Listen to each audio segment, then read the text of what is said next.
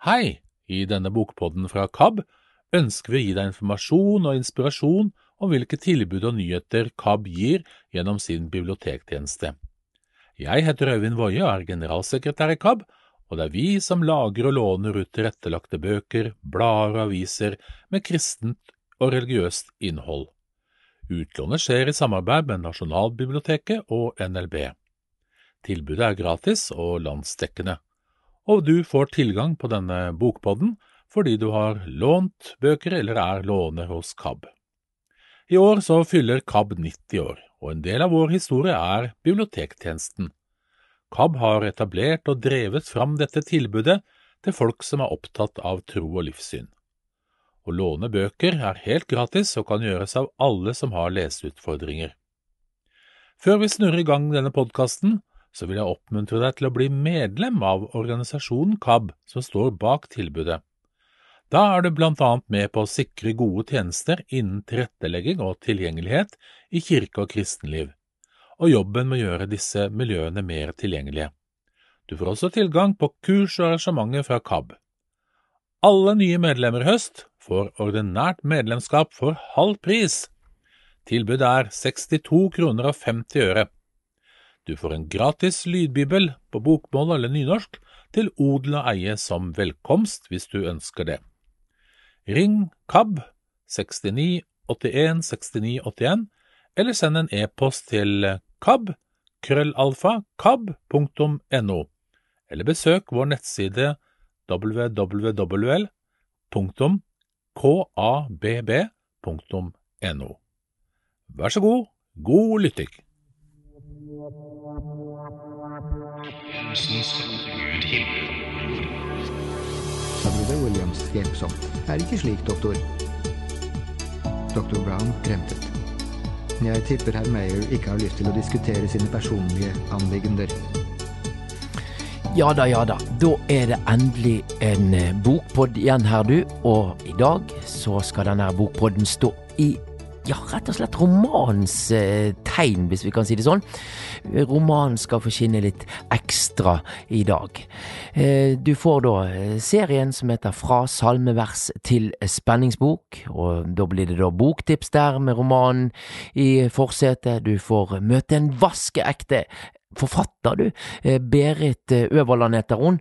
Og så må vi jo eh, få det opp på et akademiaplan, dette her òg, så jeg ringer til Høgskolen på Vestlandet og ser hva de kan si om romanen. Du får møte en flittig bruker av KAB sitt lydbibliotek, Odd Østby, og du får lydbokskole òg, du. Og det blir flere deler av denne etter hvert, men i dag så er det til deg som syns at det er trasig at CD-en skal forsvinne, og ikke helt vet hva det der å strømme bøker egentlig er. Og til slutt, etter alt dette her eh, spennende greiene, du, så ja, da blir det smakebiter fra de bøkene vi har snakket om. Hallo, Kurt. Men først en liten bokprat mellom to som elsker bøker, nemlig Kari Underland og meg. Og en god bok, mm. det er alltid perfekt, altså. Jeg liker både å lese med øya, og så liker jeg å lytte på bøker. Ja, du hører på lydbøker òg, ja? Ja, jeg gjør faktisk det, og det er litt nytt. Mm. Men jeg tror det kommer av det at uh, da jeg var liten, så um, var det faren min. Han leste så mange bøker for oss ungene. Og jeg har blitt så glad i å, å sitte og lytte til bøker, da. Men du kan ikke vi eh, definere roman, da, siden det er romanens tegn, denne podkasten her? Ja, nå skal vi snakke om romaner, og romaner er jo det vi kaller for rett og slett gode bøker.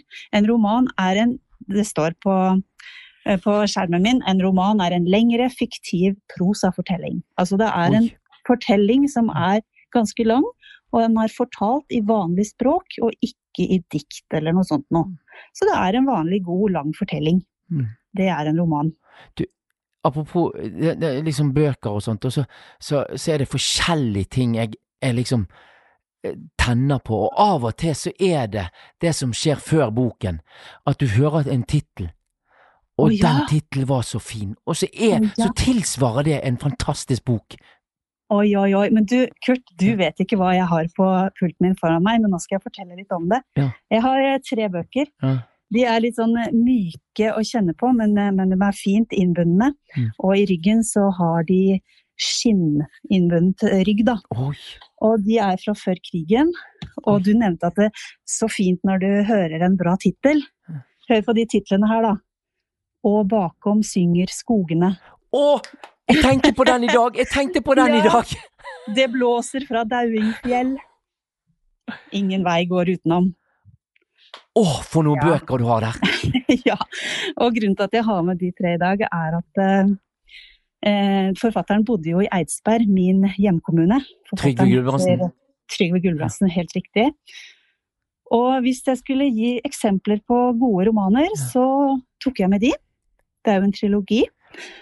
Men eh, også når vi snakker om KAB, så er det ofte snakk om kristne romaner, eller kristne bøker. Hva skal vi si om det, Kurt? Nei, hvordan kan en bok være kristen? Det er et eh, spørsmål i seg sjøl, tenker jeg.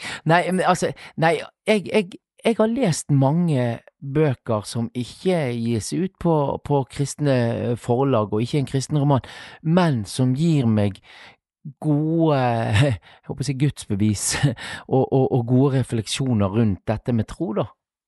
Jeg er helt enig.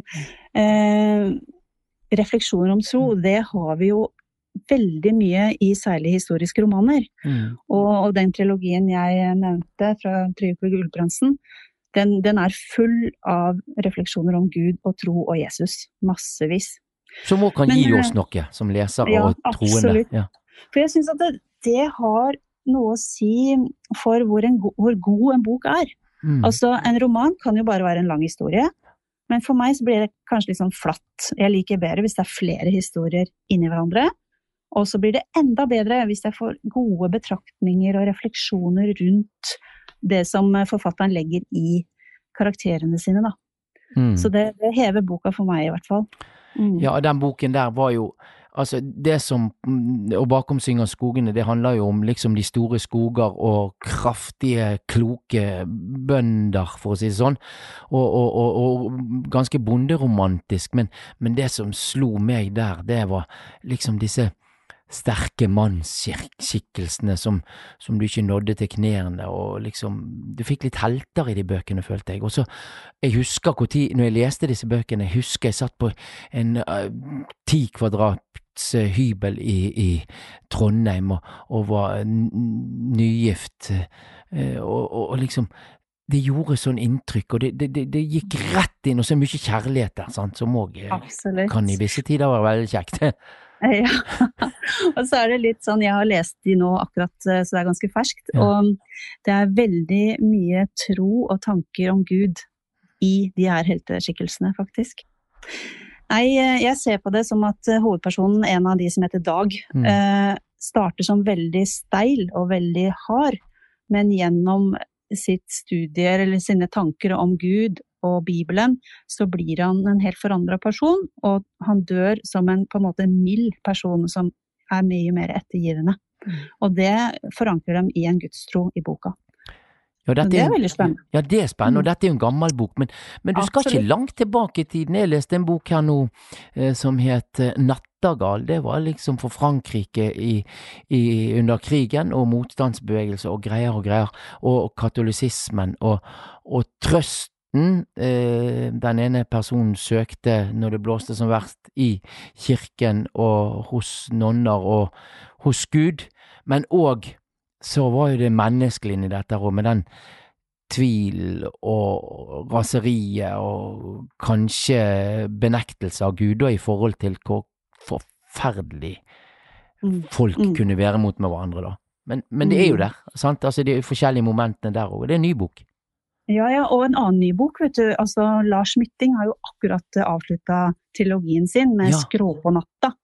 Der har du først Søsterklokkene, og så kommer hekteneveven, og så kommer Skrå på natta. Og ehm, jeg mistenker jo at Lars Mytting har lest eh, Trygve Gulbrandsen. Det har jeg veldig lyst til å spørre han om en gang. Men i hvert fall eh, gudstroen og, og menneskene sin forankring i Bibelen, det ligger jo helt fram i dagen i de bøkene også. Men tilbake til eh, utgangspunktet vårt, Mm. romaner Mm. og kristne bøker som vi kanskje har i KAB, da. Mm. Hvordan skal vi oppsummere dette? Eh, finnes det en kristen roman? Det eh, gjør det, for jeg har lest den. Altså utenom eh, eh, roman som er skrevet som en kristen roman. Altså det, det fins. Jeg har lest litt i dette KAB-biblioteket av romaner i forhold til det, og det jeg har merket meg, at noen er litt sånn søkte, at det er veldig spennende, og så plutselig så setter de ned og så må ha seg en husandakt, og så får du litt forkynnelse, og så går du videre i spenningen. sånn. Og så er det en forfatter for eksempel som heter Anten- en Tetlock som jeg har lest, eh, som er i KAB sitt bibliotek.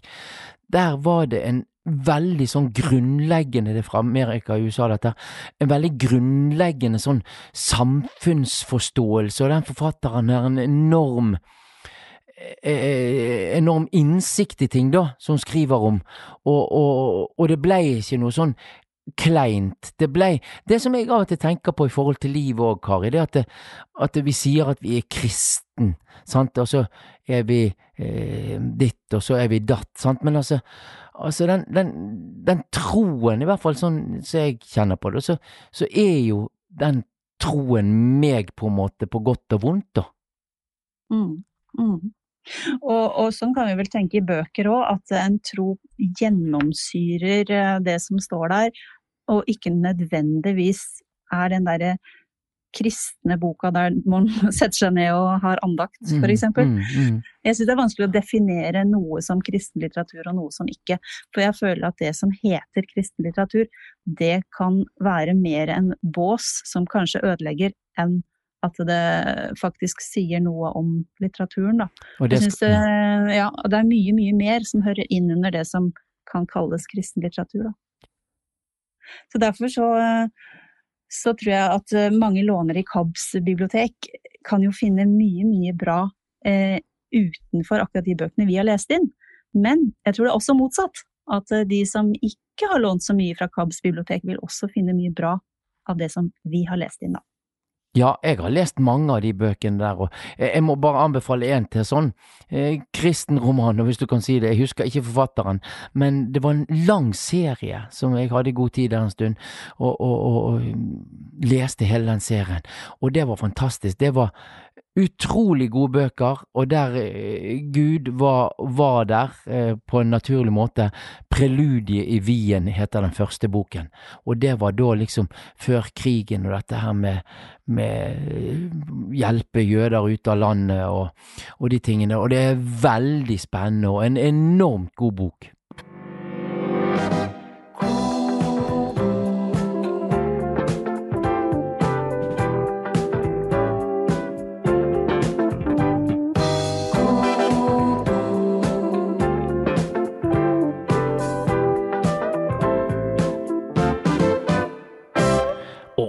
Ikke dy meg. Har gjort det før, men gjør det gjerne igjen. Altså, dette var litt sånn minner fra 90-tallet, eh, med dette her eh, barne-TV eh, som het God bok. Det var Minken Frostin som var programleder.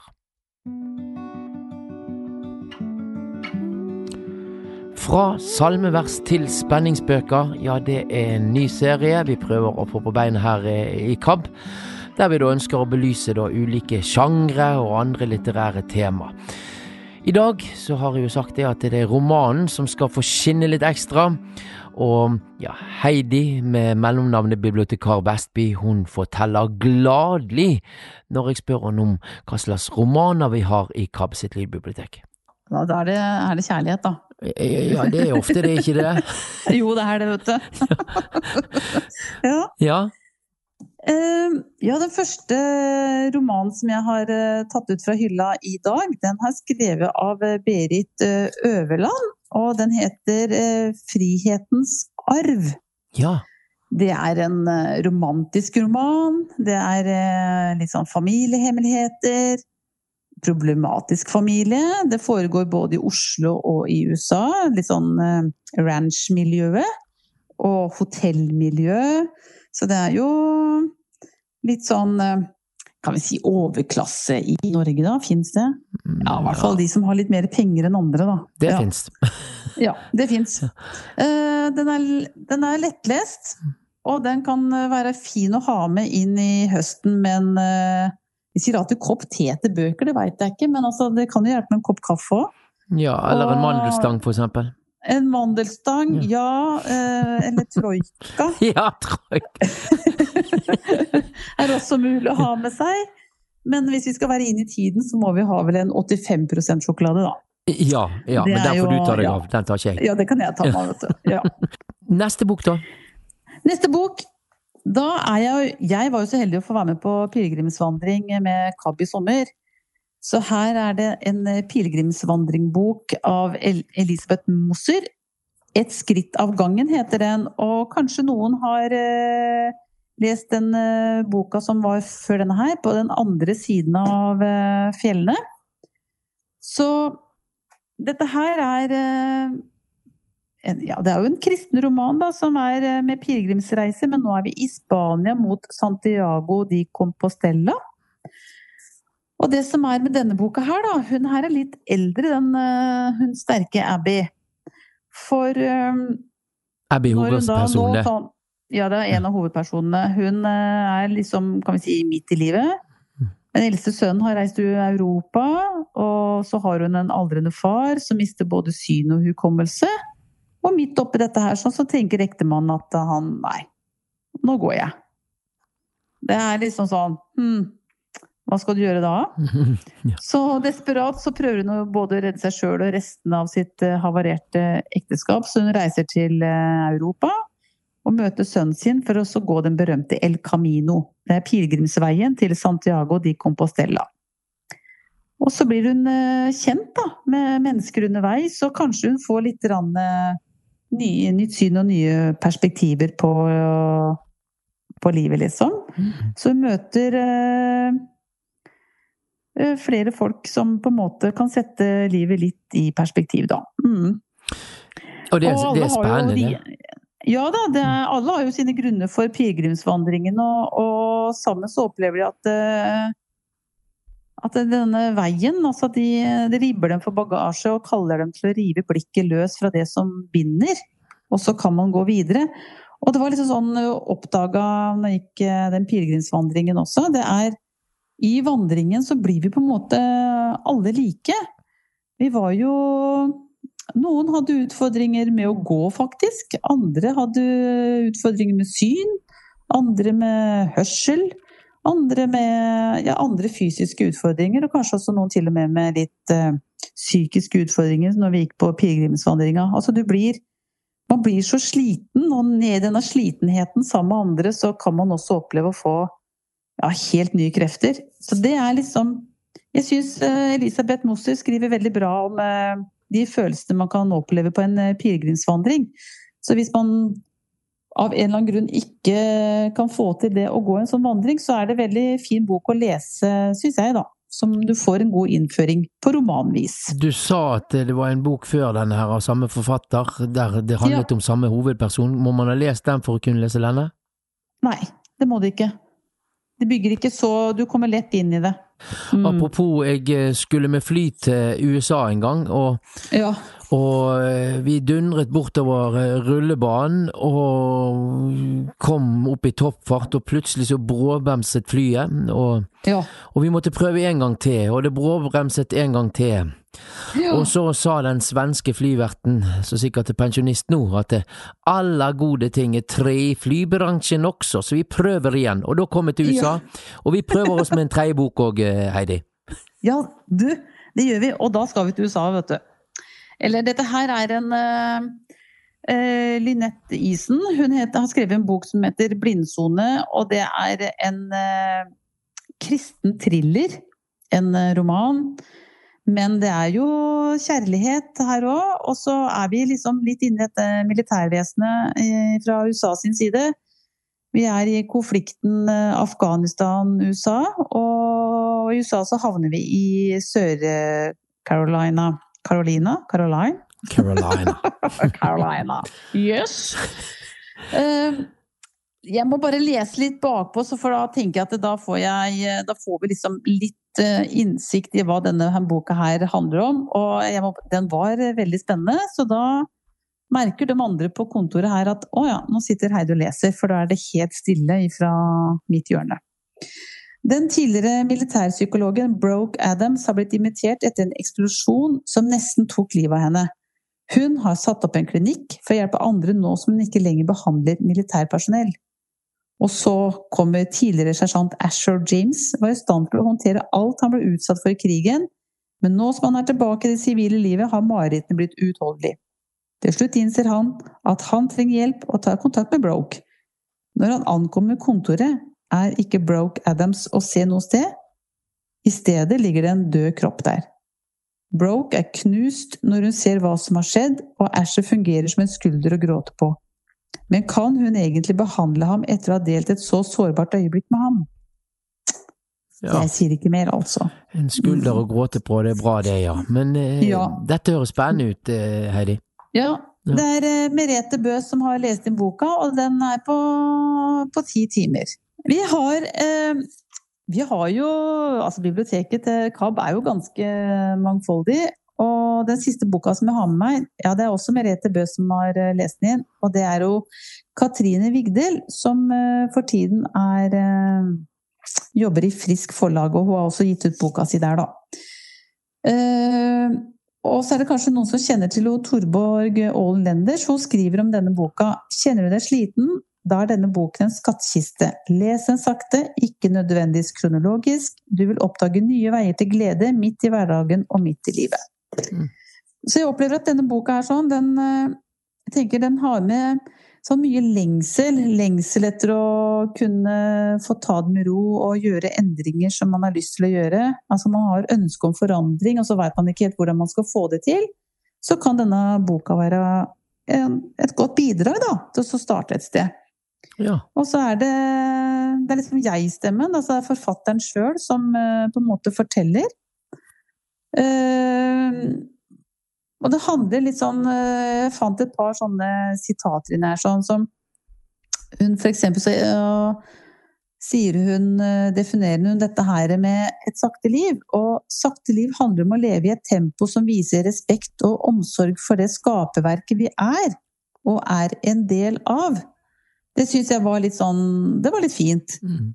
Eh, hvilket, hvilken sånn type menneske er det jeg er? Eh, betyr det at jeg må være det samme hamsterhjulet som alle andre som takler det bedre enn meg, eller kan jeg få lov til å tusle litt sjøl, mitt eget tempo?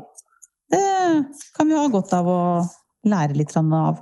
For meg så høres det ut som det er kanskje en bok som man føler at man gjør mye feil og får litt dårlig samvittighet. Nei, du gjør liksom ikke det, for her kan du være med på et sånt litt sånn oppryddingsarbeid i eget liv. Eh, her skal du ikke få dårlig samvittighet, det er det som er hele poenget. Altså, du skal slippe den dårlige samvittigheten, du skal få litt hjelp til å stå i det livet som du kan tenke deg å, å ha, da. Mm. Eh, og ikke alle andre skal tenke ut at du bør eh, være i. Altså, hvis du er ute etter et sånt temposkifte i livet, altså leve saktere eller et sant liv, da, som Bollestad og en annen forfatter har skrevet, og en, hun er jo partileder. Eh, Snakke og leve sant om sitt eget liv. Og et annet sitat som er inne her sånn, eh, som Tommy Helsten, som vi også har eh, lest inn bøker av, så er det et sitat som står Mennesket kjenner ikke sin sjels langsomme takt. I en hektisk og rask livsrytme henger sjelen etter, og når sjelen ikke henger med, mister mennesket kontakt med sin egen dybde. Det oppstår et vakuum. Det oppstår et menneske uten identitet. Og det er Jeg har hørt en gang at eh, det er noen som eh, eh, kan vi si fra, Kanskje fra det, spesielt fra asiatiske området, hvor det er enkelte da som på en måte Etter å ha tatt en flyreise, så setter man seg rolig ned og venter på at sjelen skal komme etter for å ta plass. Oi, ja. Håper sjelen flyr litt fort da, den, ellers så kan det ta litt tid. Så, da, så kanskje vi må bare liksom eh, eh, Som også Katrine også sier her i slutten av boka si, at vi må kanskje klare å stanse opp og legge merke til som, hva som foregår litt rundt oss. Mm. At vi må hente inn den evnen til å ta inn og takke. Eh, takke for de eh, tingene som eh, vi får lov til å være i og en del av, da. Mm. Eh, og så kan du jo tenke at ja, men livet mitt det står jo bare av å- Kanskje man bare har det her og, og leser lydbøker, på en måte. Så er jo det allikevel eh, andre ting, eh, tanker. Altså tankene våre kan jo allikevel eh, herje med oss, selv om ikke vi gjør så mye. Mm. Så det tror jeg liksom er liksom noe med å trekke pusten litt inn innimellom og mm, slippe sakte ut igjen, da. Så dette her, boka her kan hjelpe deg til å få det til, da. Men vet du hva, Kurt Ove, jeg har jo en liten overraskelse som vi driver og jobber med òg. oi, oi, oi, nå er jeg Ja, det visste ikke du, det. Nei. Nei, Nei. dette var bra. Ja, fordi eh, um, Om vi får det til i løpet av høsten, det håper jeg vi får til, i hvert fall etter jul, så skal vi starte med noen sånne telefonmøter. Vi plundrer ikke med Zoom eller Teams eller eh, oppkoblinger og koder og sånt noe. Nei, vi prøver på et sånt godt gammeldags telefonmøte. Ja. Men det skal ikke være sånn møte, det skal være noe som heter eh, shared reading, eller som biblioteket i Askimai kaller det for, litterært pusterom. Oh, Og det, ja, og det er eh, Jeg blir på en måte sånn slags eh, leseleder.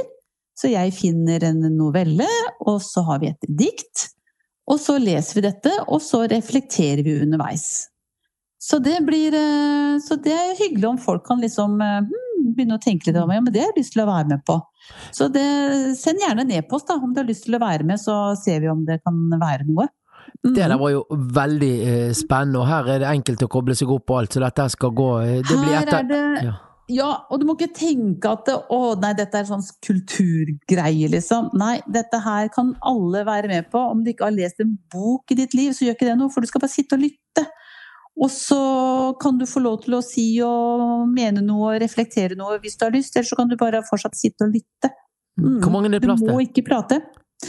Eh, Det kan være plass til mange, det, men det ideelle er kanskje at vi ikke er for mange om gangen. Så rundt tolv stykker, da. Mm. Mm. Dette var en gøy nyhet, eh, Heidi. Ja, var det ikke det? Jo, dette gleder vi oss til. Ja, det gjør jeg òg. Ja.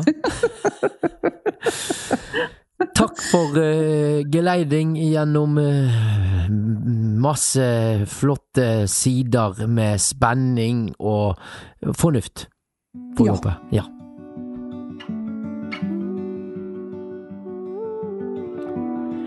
Men da skal du få møte en vaskeekte forfatter, da. Berit Øverland heter hun, og hun har skrevet to bøker som vi hittil har i biblioteket.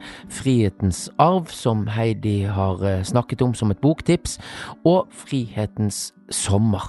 Og det blir spennende å høre hvordan en forfatter jobber. det blir veldig mye Veldig mye tanke hvis jeg er ute og går tur. Altså hvis jeg vasker opp eller husarbeid, så kommer tankene. Og noen ganger så lar jeg bare tankene leve sitt eget liv, andre ganger så setter jeg meg ned og, og skriver dem ned og tenker jeg skal systematisere dem seinere. Men det er ikke alltid det blir. Nei, fordi at eh, ofte så er jo jeg, jeg jobber jo med musikk og sånt, og, sånt, og- hvis jeg våkner om natten med en fantastisk tekstlinje i hodet eller melodilinje, men gjør du ikke mm. noe med den, eh, så, så eh, når du våkner om morgenen, så er han vekke, og hvis du skal prøve å gjenskaffe han, så blir han aldri så god som du trodde han var, i hvert fall. Nei, nei, det er sant det. Men du, Jeg kjenner meg igjen der. du har jo skrevet noen eh, bøker, litt sånn spenningsbøker, du. Eh, mm. Du kan fortelle om disse her to, to bøkene litt eh, nå. Ja, eh, det starta for lenge siden egentlig. Jeg starta å skrive dem i faktisk i 1998. Oi! Eh, Så jeg har båret på dem jeg har båret på dem mange år før det. Eh, Og det som løste det hele, var at jeg var Jeg bodde i Hongkong et år. Mm. Og der traff jeg noen amerikanske misjonærer som holdt en, en tale der de snakka om at ikke vær redd for drømmene dine. Og jeg følte de snakka rett til meg. Så når jeg kom tilbake til Norge, da satte jeg meg ned og så begynte jeg å skrive tankene mine ned. Og det har vært en veldig lang en veldig lang vei. Eh, Det meste handler vel egentlig om at jeg hadde ikke trua på meg sjøl. Og det var først når jeg gifta meg med mannen min, at han begynte å pushe meg om at jeg måtte prøve å, å få dem utgitt. Og det Ja, det var en veldig lang vei, men jeg tror, jeg tror faktisk ikke jeg hadde klart det hvis ikke jeg hadde hatt han som trodde på meg og pusha meg. Og så giftet du til navnet Øverland òg, og det kunne jo ikke være med på mindre pushe da. Nei, det er jo sant, det. Men, men dette er jo eh, to spenningsbøker, 'Frihetens sommer' og 'Frihetens arv', som vi har i, i biblioteket, og det skal leveres en smakebit eh, i enden av denne podkasten, du. Eh, Fortell Mm. litt om disse bøkene. Ja, Frihetens arv den handler om Det er to personer. Det er John, som er fra USA. Og han har en stor drøm i livet, og det er å ta over bes- bestefaren sin ranch i Wyoming. Men faren vil han skal gå fulltid inn i det hotellkonsernet som faren har skapt. Så så Jon blir da egentlig pressa til å flytte til Norge og ta ansvar for det nye hotellet som blir bygd på Fornebu. Eh, Det som ligger til bak hele, er jo Det starta med en historie fra borgerkrigen i USA, der eh, en gammel bibel forsvinner. En gammel familiebibel, og den dukker jo opp da i, eh, i løpet av historien. Og knytter egentlig alt sammen sammen. Og det Altså, jeg vet Familie Familieproblematikk kan være veldig vanskelig. Og det skaper veldig ofte store konflikter og dramatikk òg, når, når det skjer ting som som du kanskje ikke ønsker skal skje. Og så må du ordne opp i det og ja. Så den første boka handler egentlig om drømmer. Det å realisere sine egne drømmer og uh, våge å, å stå for den du sjøl er, og ikke bli styrt av hva andre mener om deg. Hva eh, Du sier at det, det er drømmen om å overta en eh, ranch og, en eh, happy bok, eh, hvis det er slutt på happy ending, så, så eh, regner jeg med at den eh, ranchen etter hvert dukker opp, og at det blir en del av historien, det òg. Mm. har du vært på research da, og funnet en sånn ranch i USA og sånt, da? Uh, jeg, har, uh, jeg har funnet veldig mange rancher i USA. Jeg har også hatt kontakt med et par som har hjulpet meg en del med informasjon om eh, hvordan drive en ranch, hva problem kan oppstå på en ranch, hvordan er forholdene der. Så jeg har fått veldig god, eh, jeg veldig god hjelp av, eh, av amerikanske ranchere. Det har jeg også, og jeg har jo en veldig stor drøm sjøl om å besøke en ranch en gang. Ja, så du, har, du, du reiser ikke til USA for, for å gjøre research, altså. Det er, du har fått hjelp, men, men, men Ja. bildene de danner du i hodet i forhold til sånn som du har sett på film og, og de tingene der. Ja, Mm. det gjør jeg. Ja, hvordan Er det av og til at du blir overrasket når du skriver en sånn eh, roman? Da så blir du jo sikkert kjent og kanskje også glad i figurene, i, i, i personene. Eh, Mm. er det av og til at de overrasker deg litt? Ja. ja, det er det. Av og til så går det en halvt annen vei enn det jeg hadde tenkt jeg skulle gå, men da må jeg nå bare følge på. Ja. Ikke noe valg. Det er litt det spennende, da. Ja, fryktelig spennende når det skjer. Ja. Det, det må jeg bare si. Altså. Det, det, og det skaper også mer liv. Uh, fordi at det er jo karakterer som lever sine egne liv, og det er jo jeg som skaper dem. Men det er klart at av og til så Av og til så bare gjør de ting som jeg ikke hadde tenkt i utgangspunktet at jeg skulle gjøre, og da Det kan av og til skape litt konflikt i meg sjøl òg. Er det av og til at du, eh, du rett og slett setter deg ned og, og, og, og blir litt trist, og kanskje feller en tåre òg i en virkelig opprørende scene som du skriver ut? Ja. Å ja, absolutt. Det er en av de tingene som er fantastisk med skriving, er at du får ut følelsene dine. Jeg har jo sittet og skrevet og grenet og Så ja da. Har du ferdig bok tre? Um, I hodet har jeg det, ja. Skal du skrive den ut snart, da? Jeg har ferdig både bok tre, fire og fem i hodet. Ja, eh, Ja. i, i hodet, ja, men hjelpe meg, det høres skummelt Tenk hvis du glemmer noe, da? jeg har skrevet ned Jeg har faktisk skrevet ned 80 sider med innholdsfortegnelse på alle de tre bøkene. Ja. Så det eneste som gjenstår nå, er å skrive dem. Og det, og det kommer. ja, absolutt. Hva det. tidsperspektiv blir det, da? Det tør ikke jeg å si. Det er forfatter du ønsker å være, Ja, absolutt. Det er det. så du er takknemlig for dette med å ikke være redd for drømmer du fikk vite. Og absolutt. absolutt. Det har blitt veldig viktig for meg å våge å tørre. Må la figuren òg våge å tørre, da. Absolutt. Jeg føler jo det at jeg, jeg blir jo litt modigere sjøl når jeg ser at figurene mine tør.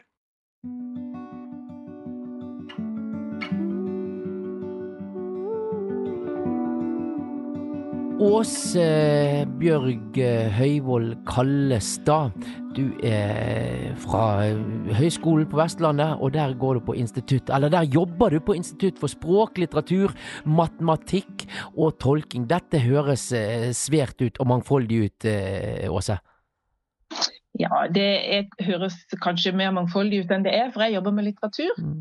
Eh, Jeg jobber med litteratur sammen med lærerstudenter i hovedsak. eh, Fra de begynner når de er 18-19 år og kommer rett fra videregående og skal bli lærere, og til de som tar master.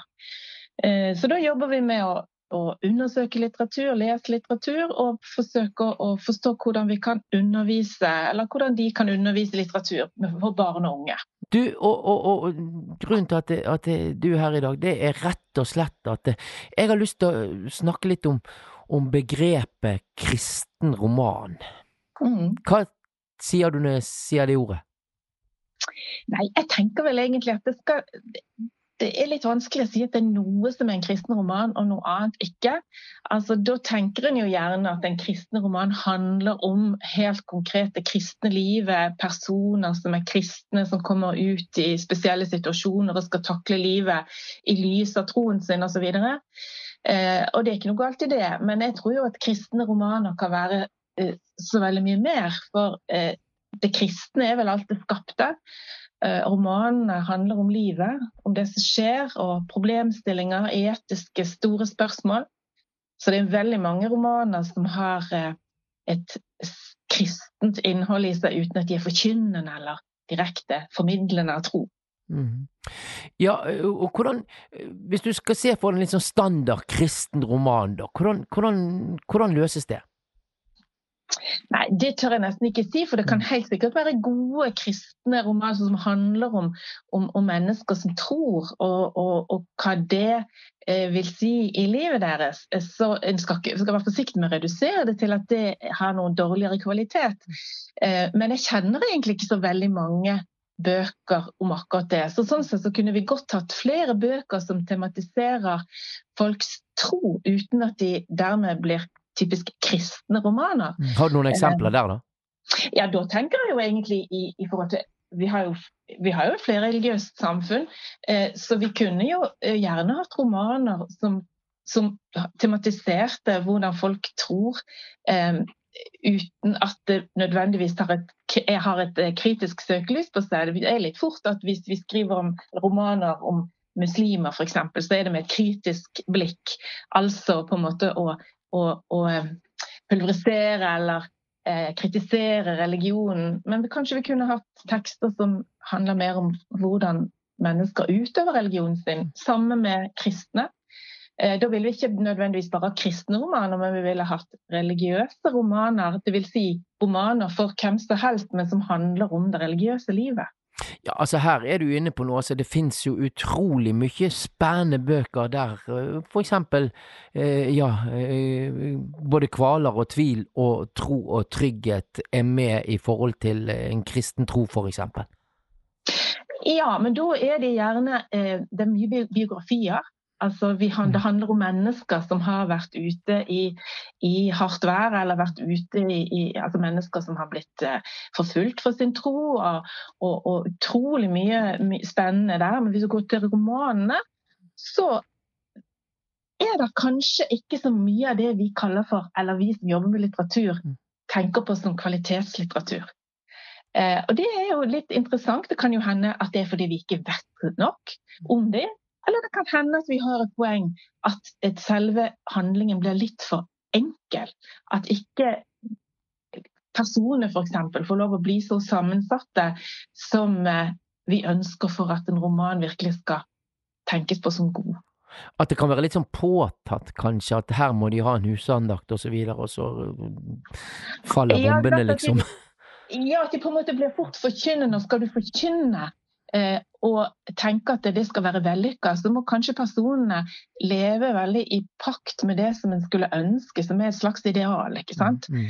Eh, og da at livet og det de gjør og valgene de tar, det, det, det faller heldig ut. Altså det kommer ut som eh, en forkynnende virksomhet. Altså at de klarte brasene, at Gud hjalp, at det ble sånn som en, en, en, en skulle håpe ut ifra kristen tro og moral. ikke sant?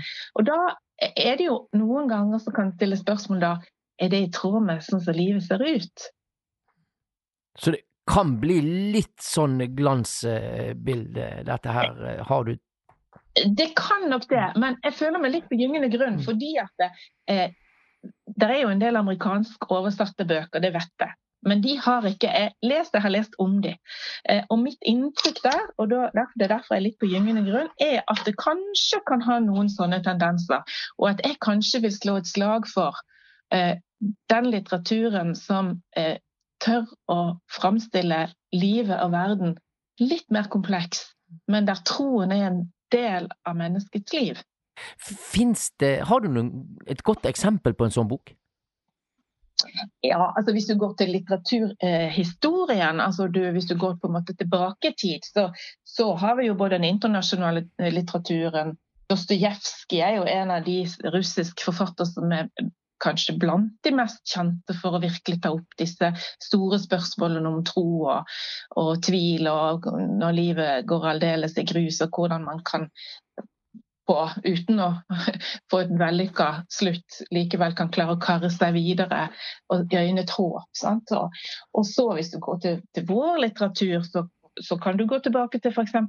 begynnelsen på 1900-tallet. Eh, eh, Folkberget og Sigrid Undset og mange av disse eh, anerkjente forfatterne, også Ibsen og Bjørnson, skriver jo om eh, Hvis vi går litt lenger tilbake, så skriver jo nettopp om mennesker som kommer i, i troskonflikter, men også eh, der de eh, tar valg som på en måte er i, i pakt med eh, troen. Der de, der de, der de trosser eh, eh, fristelser og det som eh, måtte være i livet, fordi de har en tro som, som, er, som er sterk for dem. Ja, sånn som du nevnte Dostojevskij, for eksempel, som, som på en Mhm. måte eh, går og eh, hogger ned eh, leietakeren og greier med øks og, og diskuterer rett og galt i forhold til det, og, og Mhm. Karmas og alt det. Dette har jo slått Dette er jo klassiker av dimensjoner. populært eller ikke, men i hvert fall så er det vel noe med at vi vet dypest sett alle at det onde og det gode er en kamp som står i menneskelivet, uansett hvem vi er og om vi er troende eller ikke. Det er noe som ligger der og bryter på dypt vann for alle. Eh, og når han eh, henfaller til det han gjør, hovedpersonen i den romanen du, du viser til nå, eh, 'Forbrytelse og straff', eh, så eh, er jo det kanskje sånn ytterliggåinger av det vi tenker at kan skje i ondskapens navn. ikke sant? Men han, samtidig så er han ikke noen ond person på den måten at han er entydig ond. Han, eh, han eh, har sine kvaler, han forsøker å ta oppgjør med ondskapen og gjøre det han, som står i hans makt for å komme seg ut av det. Mm. Eh, så det er som du sier noe eksistensielt dette her, eh, som gjør at alle sånne store etiske dilemmaer har blitt omtalt i litteraturen eh, til alle tider. Og veldig ofte så har, har det en relasjon til det religiøse. Eh, fordi at eh, kampen mellom godt og ondt dypest sett i generasjoner har tilhørt kampen mellom Gud og det som er hans motstander. da. Det er jo fortsatt litt sånn, altså. Det, det, du, du får jo mm, helt vanlige skjønnlitterære bøker som tar opp dette i dag òg. Å ja, mange. Både, både voksenlitteratur og, og, og barnelitteratur. Eh, men det er en god del av det er ikke eksplisitt religiøst. altså De tematiserer ikke at, eh, at det er noe av dette som er hva skal jeg si, At det som er godt, også kan representere en religion. Det blir fort religionskritisk, og det er jo bra, det òg. At, at, det kan være et, ha et kritisk blikk på, på, religion, fordi en vet jo det at det kan ha mye makt både på den ene og den andre måten. Men det, er, det, det syns jeg jo ville vært spennende hvis forfattere hadde tørt å ta, som sagt, eh, litt mer eh, Tematisert litt mer Eller lagt hovedpersoner få lov å være religiøse individ. Du, et lite skudd i blinde her, du, eh, Bjørg. I denne litteraturpodden. Så, så ha, har du en, ja, en liten bokanbefaling til oss her til slutt nå? Som kanskje representerer litt av det du har fremstilt framstilt nå? Eh, ja, det eh, Det kommer litt an på hva jeg skal ta av, av, av hva jeg har framstilt. For jeg kommer ikke med noen sånn, eh, det som noen ville kanskje kalle en kristen bok. Eh, for jeg, jeg, jobber ikke med noen av de, men jeg, ta, men jeg kan si noe om noen som tar opp etiske problemstillinger. Mm. Um, for jeg er mye mer opptatt av det, at, at å jobbe med, med hvordan litteratur uh, tar for seg etiske problemstillinger. Altså sånne essensielle, store spørsmål. Mm. Um, og da uh, vil jeg anbefale en bok som jeg nå skal jobbe enda Jeg har undervist ganske mye om, jeg skal jobbe enda litt mer med nå i, i, i en forskningsartikkel. Og det er uh, Marianne Kaurin sin eh, bok eh, som heter 'Nærmere høst'. Det er en ungdomsroman, men den kan leses av alle. Eh, vok si ungdom og voksne, da. Mm. Den handler om eh, eh jødenes situasjon under krigen i Oslo by. og hvordan jødedeportasjonen skjedde da. Og det handler om en familie og naboene deres. Og vi får på en fantastisk måte innblikk i ulike perspektiver ved at forfatteren skifter vinkel. Den forteller selvfølgelig disse, eh, denne familiens fra den perspektiv og de ulike familiemedlemmene sitt perspektiv. Men også fra naboen, som faktisk var den som kjørte taxi og kjørte de til inn i døden, egentlig. Frakta de dit de skulle for å, å fraktes videre. Ja, så den vil, jeg, den vil jeg anbefale. Det, det, etiske dilemmaet her det er jo selvfølgelig eh, det som skjedde helt konkret under krigen. Er det noen som er mer verd enn andre? Eh, det dreier seg om menneskeverdet, som er et veldig sentralt kristent, bibelsk eh, Noe som ligger helt dypt i det bibelske materialet, eh, og som ligger dypt i en kristen forståelse av mennesket og livet. Eh, er det noen som er mer verd enn andre? Bibelen forteller jo det motsatte. Og så vet vi at verden ser ut sånn at, eh, at vi praktiserer det annerledes. Både når det gjelder funksjonshemminger, eller når det gjelder rase, når det gjelder eh, masse tilfeldige ting. Alt fra eh, barn som blir mobba på skolen, til, ja, til, til, til, store forskjeller her i verden. Så denne tar opp det helt konkrete problemet med jødenes situasjon.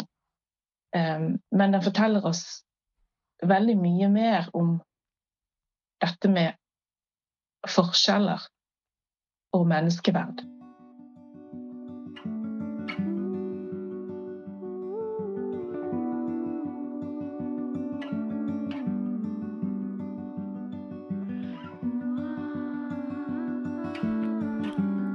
Mange som bruker eh, KAB sitt bibliotek, mangfoldig bibliotektilbud, får vi vel si da.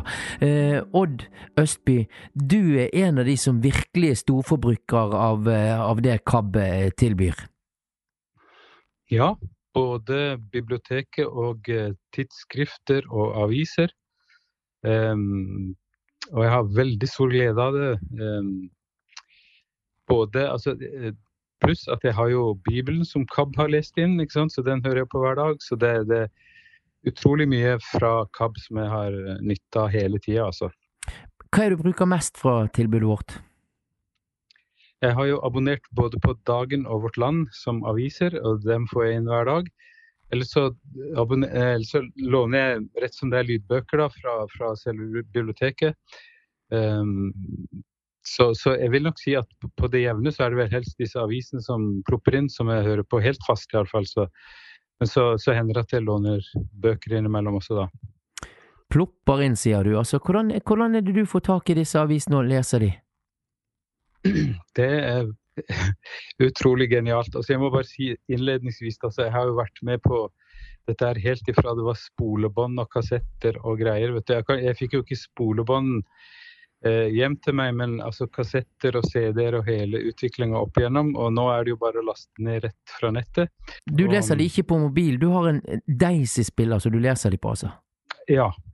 Og jeg, jeg må si at jeg er mye mer fortrolig med sånne talltastatur enn touchscreen. Er ikke, jeg er ikke så veldig glad i lydhøre. Funker det òg, altså jeg får det til, men eh, jeg er mye mer glad i å kunne trykke på så, talltastatur omtrent som på en vanlig gammeldags mobiltelefon. da. Og det fungerer veldig, veldig bra. Eh, jeg skriver inn titler på bøker som jeg vil ha, og, og, og så videre sånn, så det, det, og de raser rett inn i, i spilleren. Hva slags bøker er du leser fra Kavda? Det er stort sett oppbyggelige bøker. Den siste store jeg hadde, det var en som heter 'Hvorfor sover du, Gud?' av uh, Lars Christensen, en dansk uh, teolog. Et uh, skikkelig murstein, men veldig, veldig bra. ja, forskjellig. Jeg er ikke så veldig på sånne romaner og slikt noe, men altså Det er mer dokumentarting jeg leser, for å si det sånn, da. Har du noen ønsker om hva KAB skulle gjort i framtiden? Jeg syns KAB gjør så mye bra, så jeg, jeg, tror ikke jeg har fantasi til å finne på hva, hva det skulle vært. Altså, jeg syns det, det, er så mye Det er så stort tilfang av, av tilbud og, og, og, sånn, så mm, jeg vet sannelig ikke hva det skulle vært, eh, rett og slett. Eh, du skjønner det Altså For det første så har jeg ikke lest så mye som etter at jeg mista synet i det hele tatt. Altså, så jeg, jeg, har virkelig blitt en storleser av alt mulig. da. Eh, etter at jeg ble blind. Så, så, og det å kunne få lydbøker og alt dette her, det er jo helt fantastisk. Så, så jeg må si jeg er veldig, veldig glad for det. Disse avisene, altså eh, jeg, abonnerte jo på Jeg fikk jo Vårt Land innlest fysisk, eh, og etter hvert som da dagen kom eh, digitalt, så, så slengte jeg med på den også. så, og jeg har også hatt andre aviser lenge som, som KAB tilbyr, så, nei, eller som NLB har tilbudt. Så, på den måten så kan jeg virkelig følge med, og det, det setter veldig stor pris på det. Altså selvfølgelig jeg er jeg jo inne på nett og sånn og kan følge med på, på andre vis, men uh, det å, å, få det inn sånn, det, det er jo fabelaktig. Også det at de leser inn misjonsblader, abonnerer på Utsyn, og det finnes jo tilbud om menighetsblader, har jeg skjønt, og sånt. Så uh, det er virkelig, virkelig flott, altså. Ja, hva vil du si til KAB til slutt, da? Takk for alt det dere gjør. Eh, jeg er så imponert og eh, med både det som gjøres med tanke på å få tilgjengelighet for alle. Nå har jeg, fikk jo en SMS om kirkevalget her, og jeg gikk rett inn der. Og det fungerte som bare det. Veldig lett å finne ut av.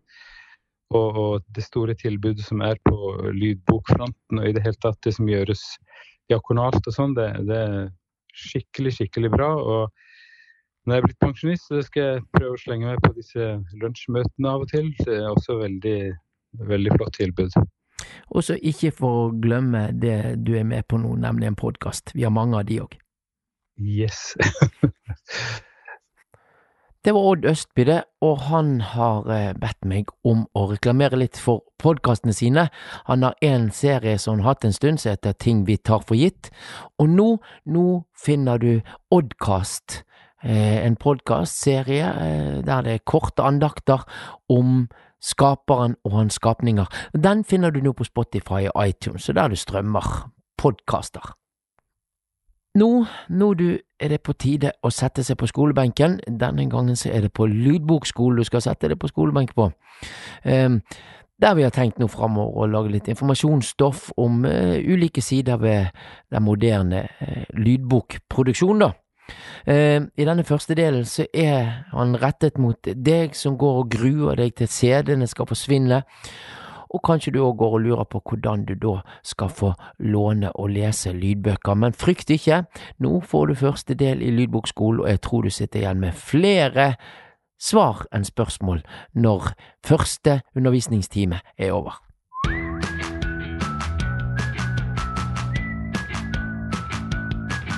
Nå sitter jeg rak i, ryggen her, bibliotekar Heidi Vestby, og er klar for første del i eh, ja, lydbokskolen, skal vi kalle det for det? Ja, det kan vi godt kalle det for, vet du. Men du er lærer, og jeg er elev nå, altså. Åh, ja.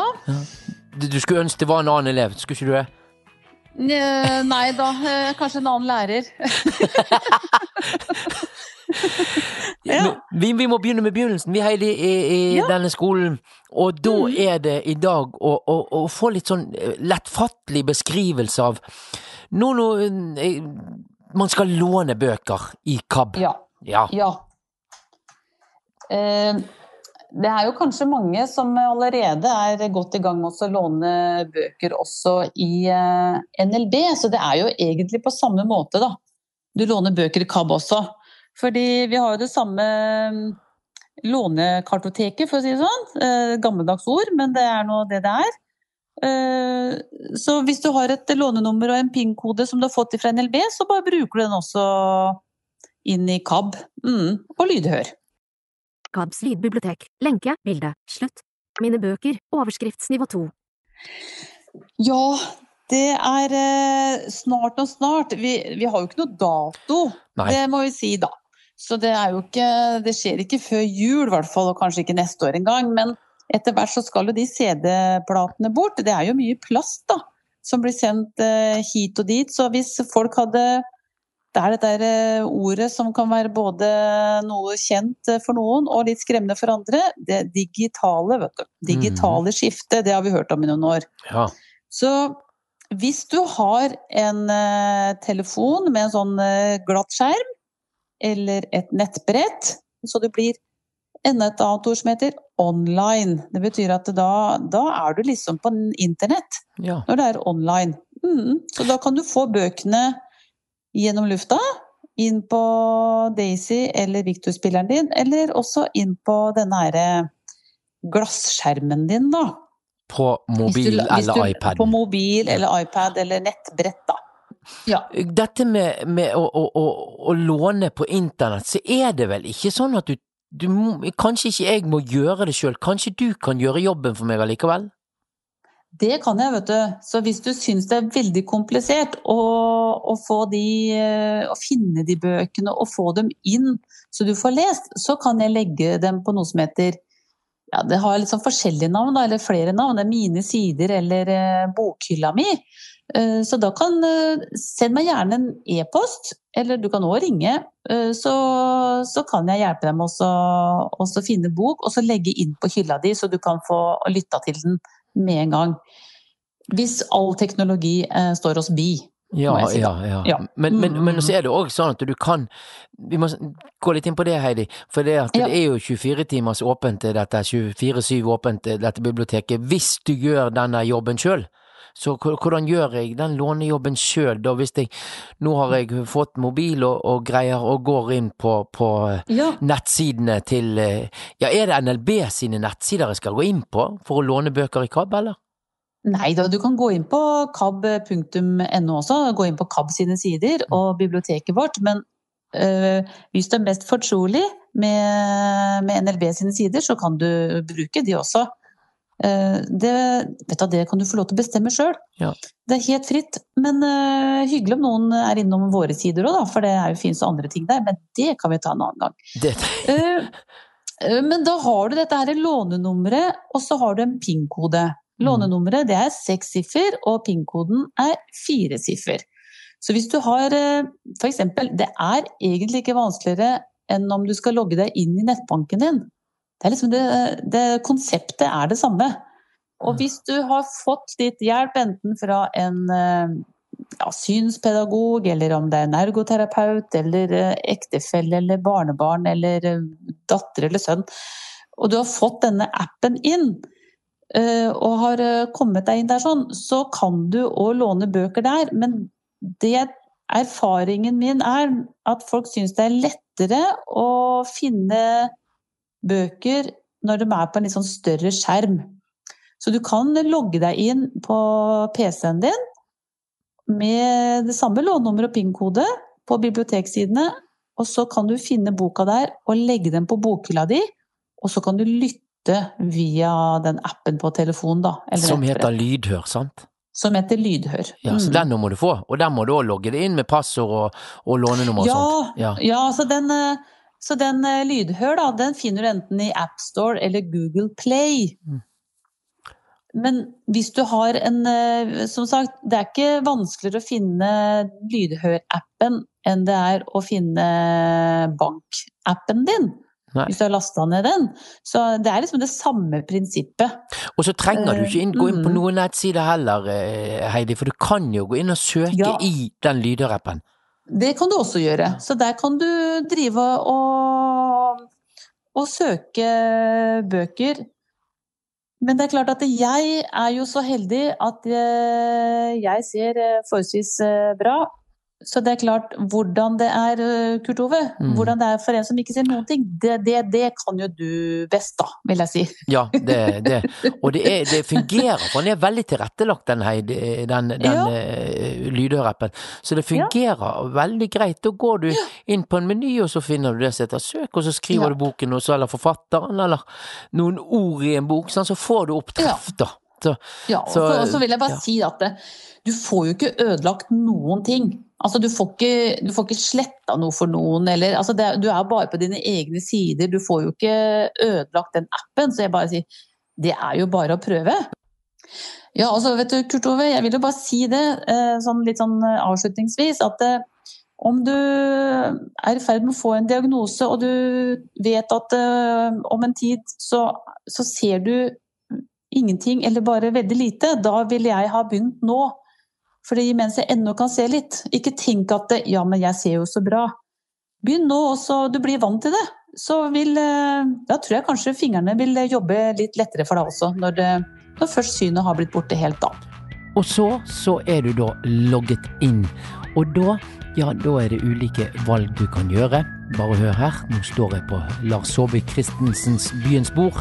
NL, forfatter-tittel. Christensen, Lars, Byens spor, 1 Evald og Mai, lydbok. Og CD er ikke bestilt. lydbok. Lytt nå, kolonne 3, Lytt knapp nå, 2 da lytt nå, du kan høre på denne mobiltelefonen. Lydnør-online-spiller, kolonne 3, knapp 2 trykker av der, 1. så kommer denne boken ned i lydhørappen, og dersom du har en Daisy-spiller, så kommer han ned der òg.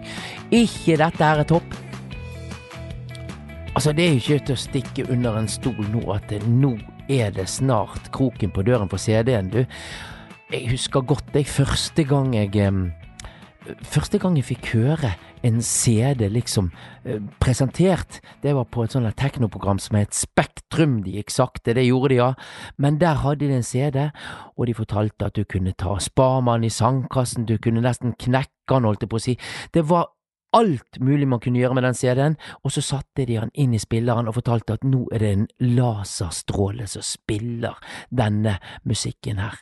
Det var spennende. Um, Yngve Stiansen, du er jo en sånn teknomann som har en sånn YouTube-kanal der du forteller om de nyeste dippedutter og apper og greier som man bør ha.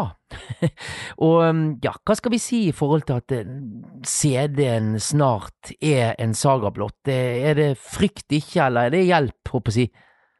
Jeg tror vi må si at eh, det er ikke grunn til å frykte. Og så ga det meg veldig mange gode bilder i hodet nå når du eh, satt og, og mintes CD-ens debut for mange år siden. Ja. For jeg husker også veldig godt eh, da jeg fikk min første CD-spiller og mine første CD-plater på 90-tallet. Jeg var ganske ung, og det var jo et utrolig stort fremskritt og føltes så moderne i forhold til den gamle musikkassetten. Og jeg husker eh, jeg gikk på ungdomsskolen og videregående den gangen, og vi hadde hørt våre rykter om hvor, hvor mye en CD-plate kunne tåle. Så vi satt og fabla om eh, er det liksom mulig å servere middag på CD-platene? Vil den fortsatt kunne brukes etterpå? Det må bli eh, pølse og potetstappe, det. ja, for eksempel. Men ja, det er rart det der, og nå jammen santen så kjøper jeg LP-er så jeg fordømte nord og ned når CD-en kom. Det beviser jo bare at ting går litt i eh, sykluser. Eh, om CD-en kommer tilbake, det har jeg vel kanskje mine tvil om. Men den har hatt sin glansperiode, og takk for det. Og så går jo teknologien videre, da. Og dermed så er det jo sånn at CD-plata er på vei eh, ut. Eh, og Daisy-plata er på vei ut. Det betyr jo ikke at det ikke fungerer, og at det ikke har fungert, for det har jo fungert veldig bra. Men det kommer rett og slett nye løsninger som på mange måter eh, er bedre, og som er raskere, og som gir oss større muligheter. Og så skjønner jeg jo at for noen så kan det være litt skummelt å hoppe på et nytt tog, fordi man må lære seg litt nye ting.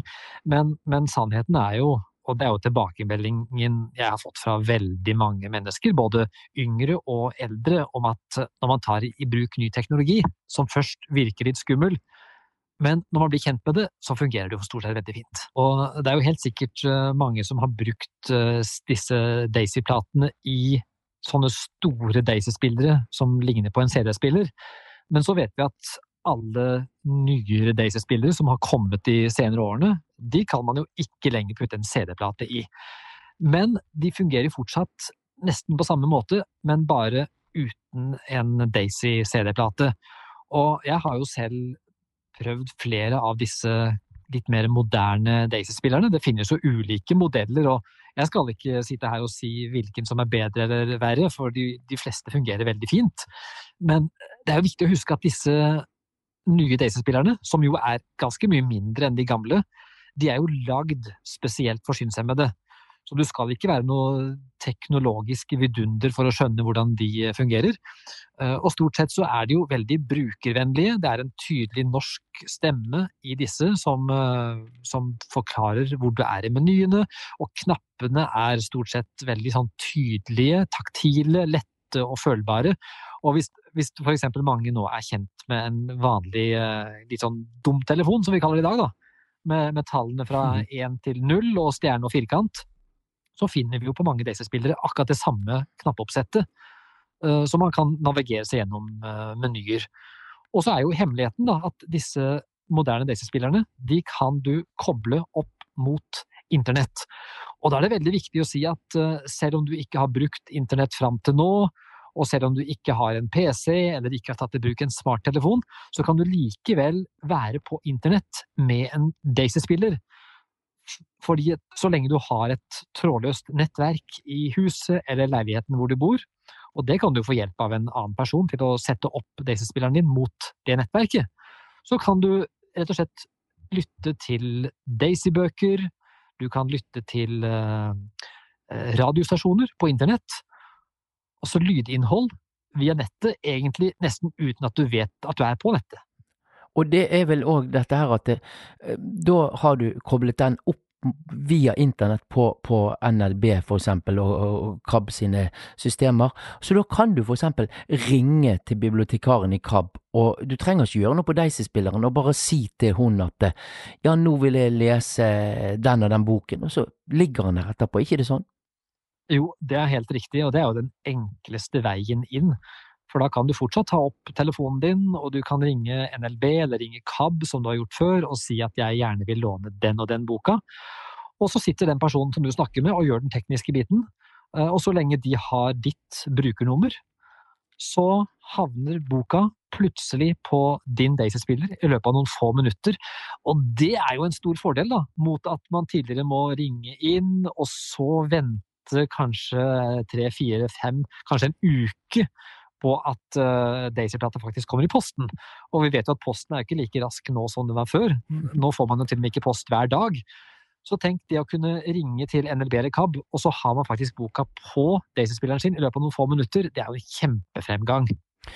Du, eh, ja, det er jo da eh, Du får en Daisy-spiller som du søker på av Nav. Da, har du noe erfaring om man kan få hjelp til å koble den opp mot internett sånn?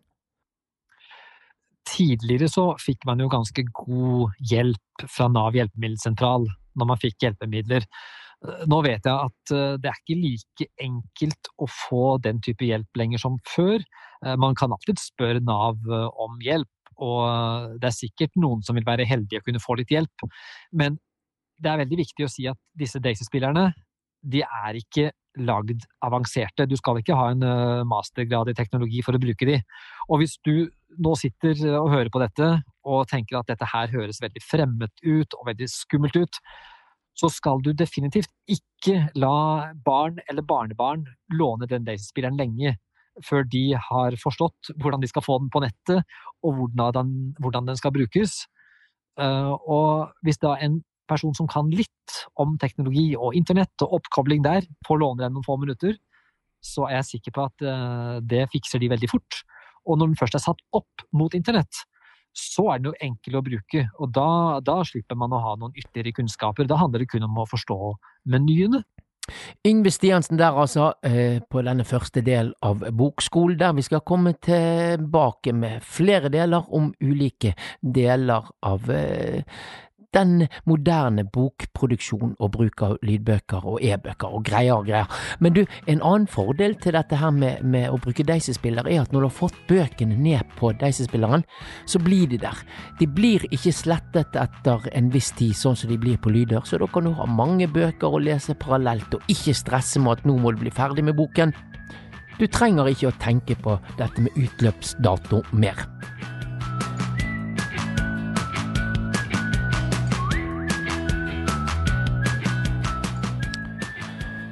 Da går Bokpod mot uh, slutten for denne gangen. Jeg håper du har syntes det var greit det som har uh, vært av innhold.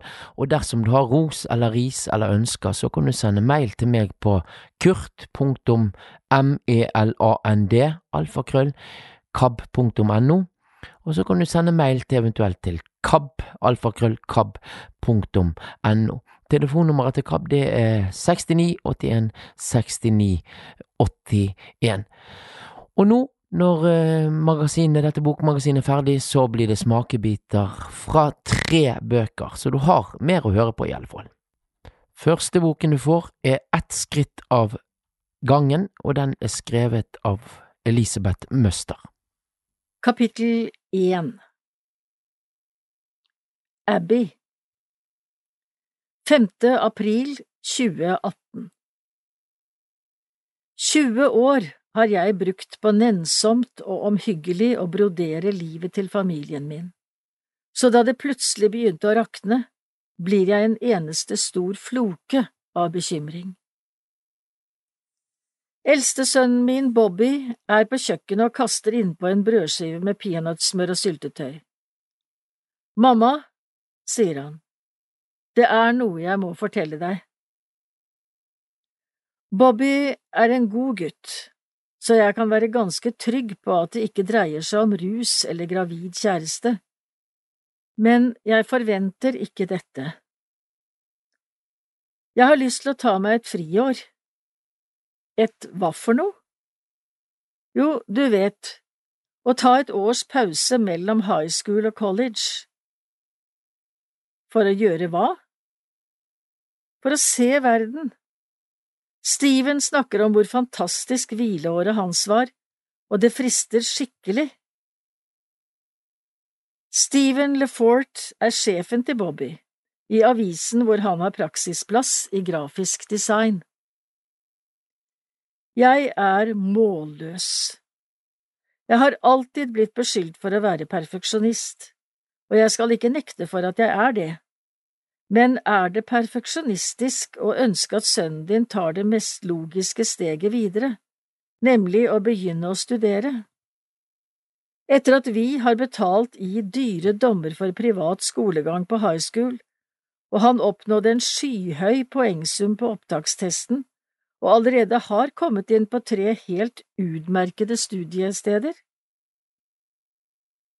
En taggete klump av frykt setter seg bakerst i halsen. Når sant skal sies, har jeg merket at Bobby allerede er på vei ut av redet. I løpet av det siste året eller to har det store, rause, kreative hjertet hans dreid seg vekk fra skole og idrett og jenter og over på noe mer flyktig. Bill har ikke bekymret seg for det. Bill bekymrer seg aldri. Jeg tenkte jeg skulle reise rundt i Europa og valfarte til alle museene slik Swanee gjorde. Jeg har lyst til å dra til Paris og henge med kunstnervennen hennes Jean Paul. Han rødmer under den buskete luggen. S sånne ting. Jeg forsøker å svelge bort frykten. Jeg tror ikke det er noen god idé å reise til Paris, nå som det er så mange terrorceller i Europa. Men ville det ikke være fett om jeg fikk oppleve Europa sånn som Swanee gjorde? Swanee er moren min, og hun møtte Jean Paul da hun var tenåring under studentopprøret i Paris i 1968. Hun er kunstner, og skissene hennes fra den tiden er fulle av opprørspoliti, nedbrente biler og kaos. Det var en veldig kaotisk og forvirrende tid, Bobby. Jeg vet det, og er det ikke fett at Swanee var en del av det? De varme, brune øynene hans lyser opp som Eiffeltårnet om natten. Og jeg kunne besøkt alle de fantastiske museene som oldemor Sheila var innom da hun reiste til Europa. Jeg skal gjøre det til en familietradisjon. Den taggete frykten flytter seg fra halsen og ned i magen. Bobby, oldemoren din omkom i flykrasj på grunn av den reisen. Han fortsetter, ufortrødent. Og jeg må dra til Wien. Du vet jeg alltid har drømt om å se maleriene på Kunsthistorisches museum. Nei, det vet jeg slett ikke, men det gjør nok min mor. Det er henne han alltid snakker med om slike ting. Og jeg kommer ikke bare til å velte meg i kunst, mamma. Steven sier jeg kan skrive for Press. Han kjenner folk utenfor Wien som jeg kan bo hos, og jeg kan til og med hjelpe misjonærene som jobber med flyktninger på et senter der. Det vakre, gutteaktige ansiktet hans gløder av patos og entusiasme. Han er som snytt ut av nesen på en ung utgave av Bill, med tykt, uregjerlig rødbrunt hår som faller ned over brune øyne, lyse og milde. Han er like høy som faren også, én meter og 85 på strømpelesten. Hengslete, og ferskenduene på overleppen har nettopp blitt til sandpapir. Jeg leter etter en måte å komme meg ut av kjøkkenet på, men Bobby står rett foran den eneste døråpningen. Ordene paraderer foran meg som ulende spøkelser opprørspoliti, opptøyer, flykrasj, flyktninger. Jeg tvinger frem et smil og hvisker. Wow, det høres ut som du har tenkt på dette en god stund.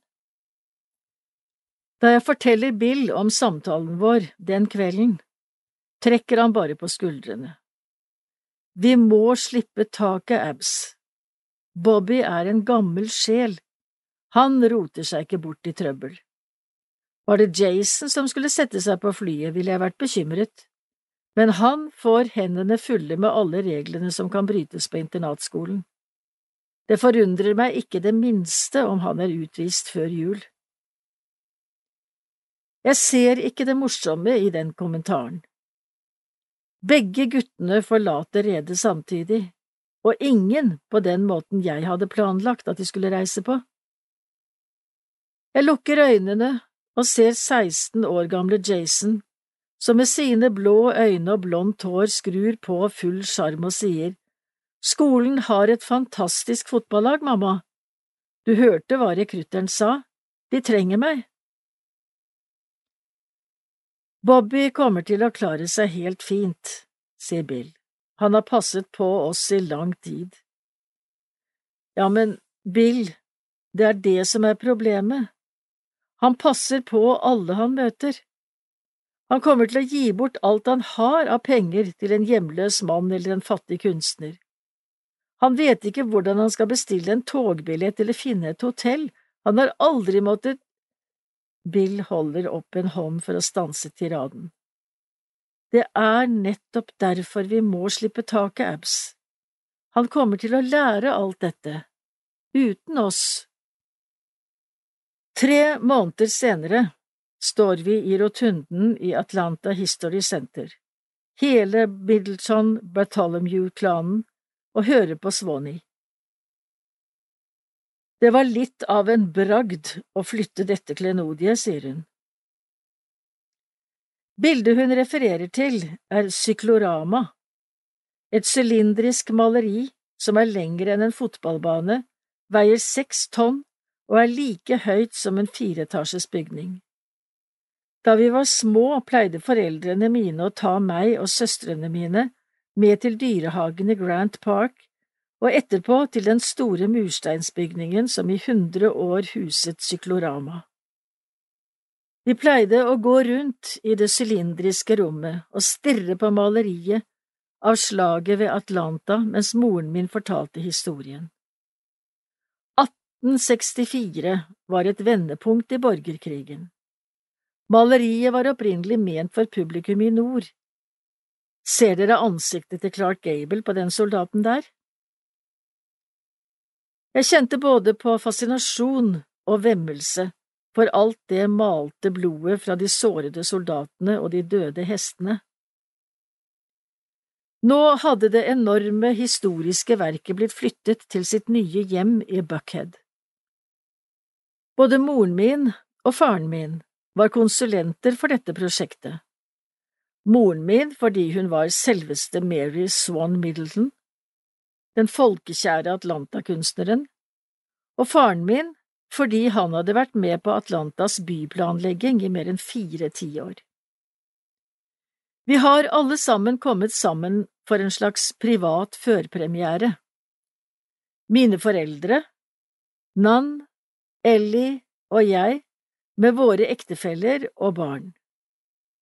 Mor beveger seg grasiøst, det hvite håret hennes fanger sollyset der hun beskriver alle anstrengelsene knyttet til flyttingen av kunstverket. Bobby betrakter bestemoren med henført beundring.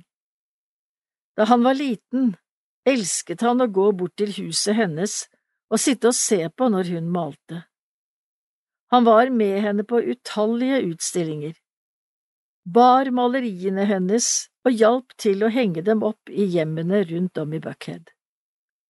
Han puster inn maling og terpentin og fortellinger, og så kommer han hjem og maler sine egne bilder. Selv kan jeg bare male veggene i huset.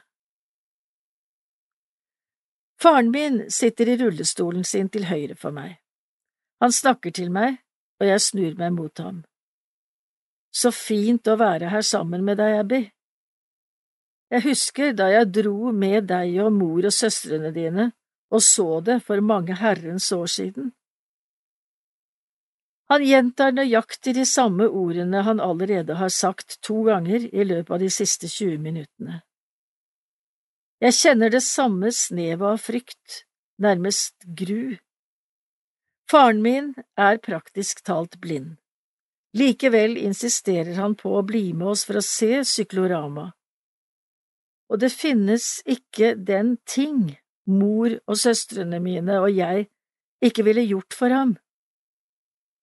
Vi kjemper en desperat kamp for å holde ham frisk, og holde på avstand enhver demon, sykdom eller depresjon som kunne finne på å slå kloa i ham. Vi er selvsagt på det tapende laget. Bill står på den andre siden av meg, og jeg finner hånden hans og klemmer den hardt. Takk Gud for at han er stødig som en klippe midt i all denne forandringen. Øynene mine vandrer fra far til Bobby til Jason, og jeg sier inni meg, jeg kan ikke miste alle på en gang, Gud, ikke nå, ikke ennå.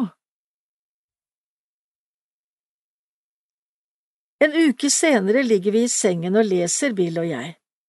Gapet mellom oss er like bredt som Chattahoochee-elven, som renner sørover gjennom Atlanta. Han lukker boken. Jeg trenger en pause, Abby, sier han.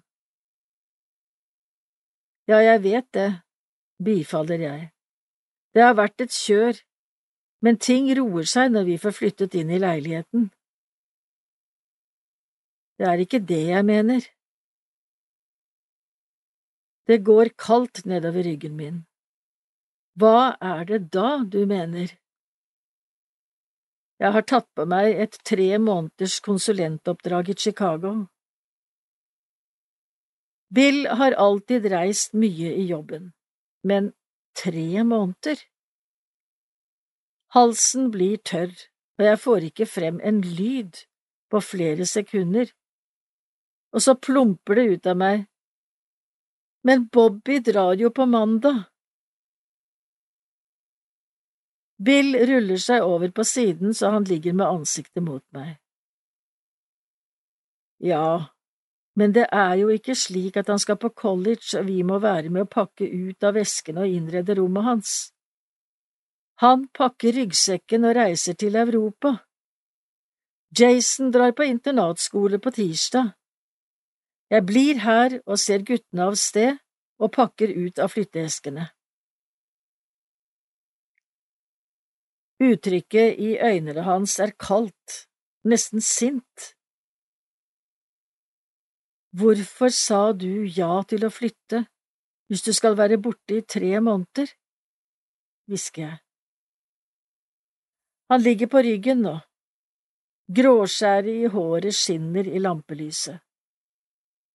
Han har på seg den sjuskete oransje T-skjorten som jeg ba ham om å kaste for mange år siden. Han har omsider gått med på å bruke den som pysj. Den falmede skjorten har et rift i det ene ermet, slik at den solbrune, senete skulderen hans synes igjennom. Han lukter fortsatt latter og ablegøyer, men øynene er lukket, og munnen peker nedover i dype folder. Til slutt sier han, Jeg sa ikke ja til det, Abby. Du tryglet og tryglet og tryglet, og så tok du avgjørelsen. Stemmen hans høres hard og forbitret ut, og utslitt. Jeg forsøker å svelge, men halsen er kvelende tørr. Vi har bodd i boligstrøket ved Grant Park i Atlanta i 18 år, men dette nye stedet, et fabrikklokale som er gjort om til moderne leiligheter i det trendy strøket Beltline, er luftig og har en utsikt som tar pusten fra deg. Og far har vært med på å designe det. Bill og jeg var enige om at det var et smart trekk. Vi var enige.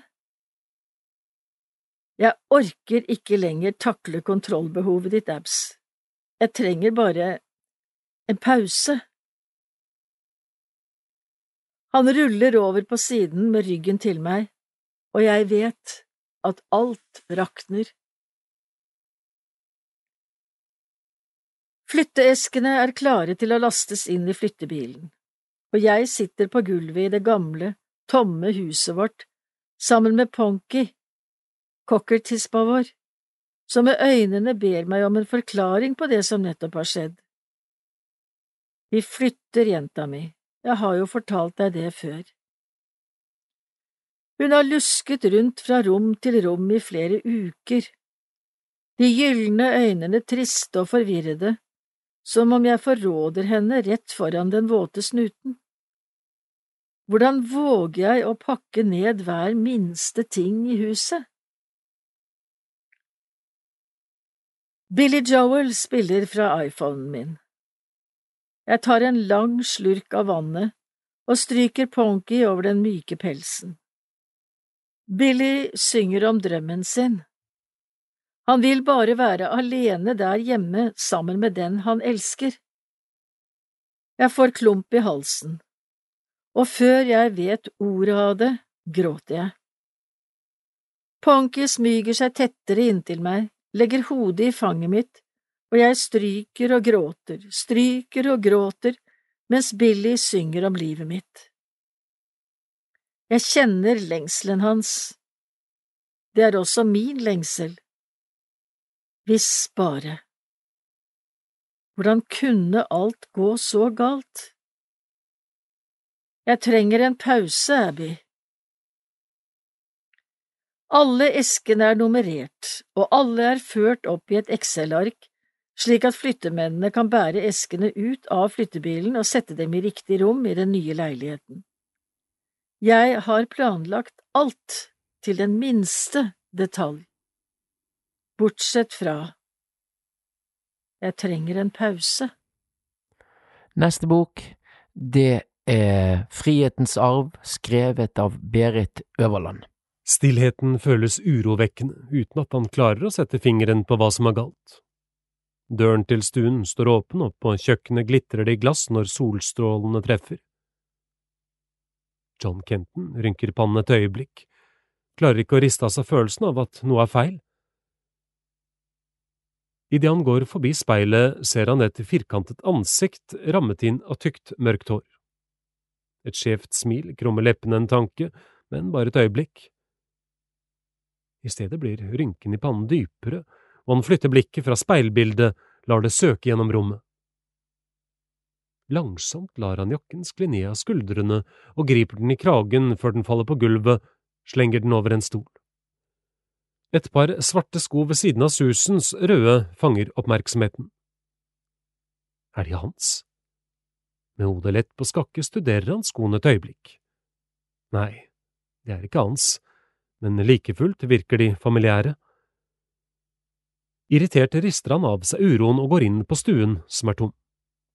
Et bilde av en ung, vakker kvinne bringer smilet tilbake. Susan Holsten. Faren kalte henne ofte en spansk skjønnhet, men så vidt John vet, renner det ikke mye spansk blod i Susans årer. På bildet smiler hun lekent, og John lar fingeren gli over rammen mens han studerer portrettet. Hun hadde klart å sjarmere ham, og en tid var hun det eneste han tenkte på. Likevel ble han aldri helt hennes, en følelse han ikke klarer å forklare holder ham tilbake fra å gi seg helt over.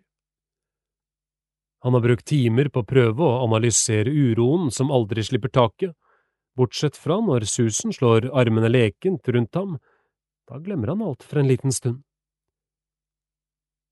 John la tankene vandre tilbake i tid, til dagen han tok henne med til Bellini. Det var høysesong og restauranten var stappfull. Susan elsket oppmerksomhet, og det var det han ga henne. Et øyeblikk var alles øyne rettet mot henne, mens hun strålende aksepterte frieriet. Sladrebladene hadde mesket seg i begivenheten og melket nå det kommende bryllupet for alt det var verdt. Philip Kentons sønn var kjent for sin ville fortid, og nyheten om bryllupet var på alles lepper for tiden.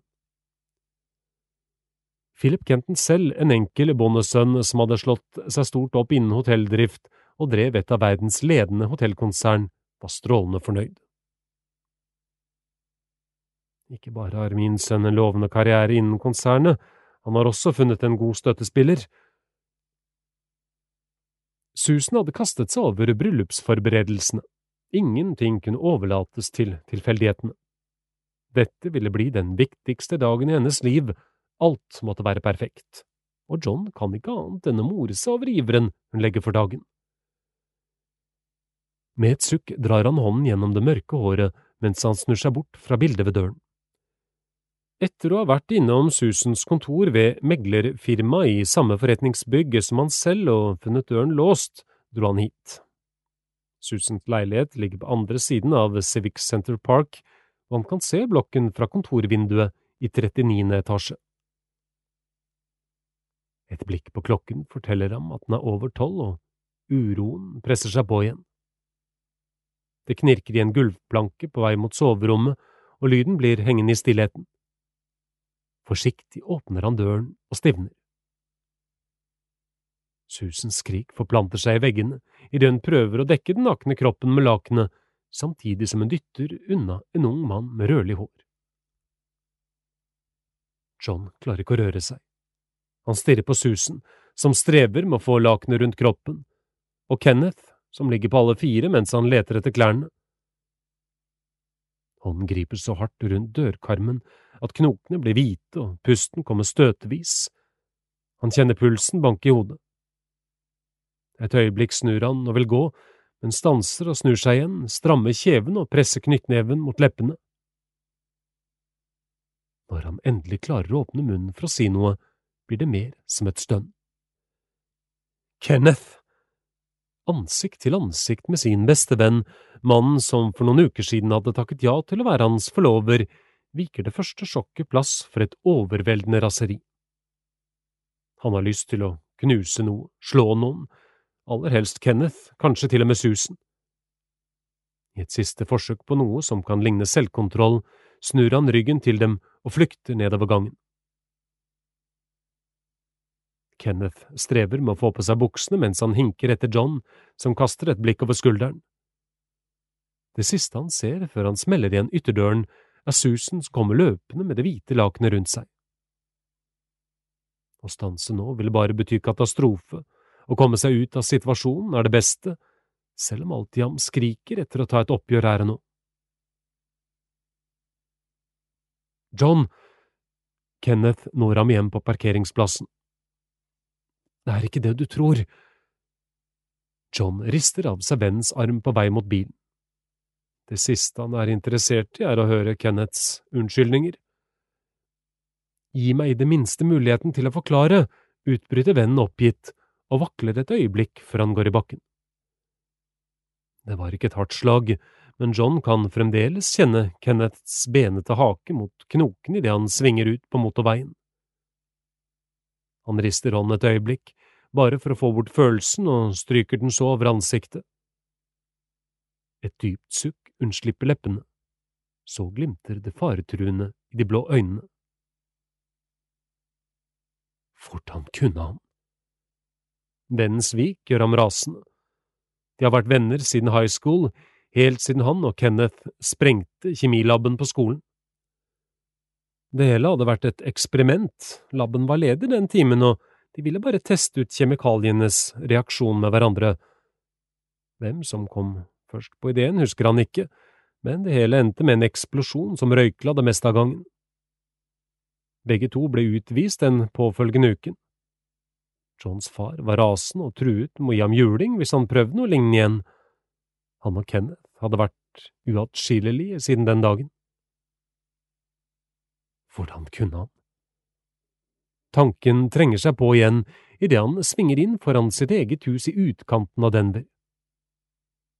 På en og samme dag har han mistet både sin beste venn og sin kommende hustru. Det var Kenneth han gikk til når han trengte hjelp eller noen å snakke med. Ingen kjente ham bedre enn Kenneth. Klokken på dashbordet viser fem på ett. John vet han burde vært tilbake på kontoret, men bare tanken gjør han kvalm. Faren er på forretningsreise i Chicago denne uken, så ansvaret for hovedkontoret faller av på Johns skuldre, et ansvar han aldri har ønsket eller bedt om. Men Philip hadde vært nådeløs her. Som hans sønn var Johns oppgave å ta seg av familiekonsernet, selv veloverveide begrunnelser falt i grus. Bare vent til han fikk høre om Susan og Kenneth. Johns lepper formes til et spotsk grin, han vet hvilken ammunisjon faren har på lager, i hans øyne vil han alltid være den fortapte sønn som roter til ting for seg selv og for andre. Det var hans feil hvis noe gikk galt, og det var han som fikk ordre om å ordne opp. John hviler hodet mot nakkeputen og ser opp på det vakre huset i enden av en blindgate. Selv her hadde han skuffet. Susan, mest alle, som ønsket seg noe lignende herskapshuset Johns foreldre bor i. Men John trivdes her, i selskap med grønnkledde åser og naturen like utenfor stuedøren. Sint rister han av seg tanken og stiger ut, smeller igjen bildøren, og velter seg i selvmedlidenhet vil ikke hjelpe. Neste bok, det er Radikal ro, skrevet av Katrine Vigdel. Utbrent. Jeg får ikke puste. Kontorstolen knirket da jeg lente meg tilbake og kikket ut vinduet mot parkeringsplassen. Kontorbygget kastet lange skygger over plassen. Jeg fikk øye på en kvinne som kom gående mot en av bilene. Hun var iført sandaler, og det slo meg at det varme været måtte ha meldt sin ankomst. Den kalde delen av våren var over. Jeg fulgte sandalene med blikket til de forsvant inn i bilen. Frykten strammet grepet om halsen. Like over tretoppene i enden av parkeringsplassen var himmelen blå, sporadisk flekket av noen få lodne skydotter som sakte gled over i hverandre. Det lå en forventning i lufta, et håp om sommer.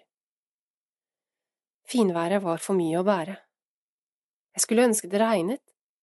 Hardt, nådeløst regn som hamret på vinduet, hamret på meg, rant over frykten, visket ut kravene, visket meg ut. Regnet ville skjule at jeg ikke hadde noen glede igjen, for ingen forventer et smil i uvær.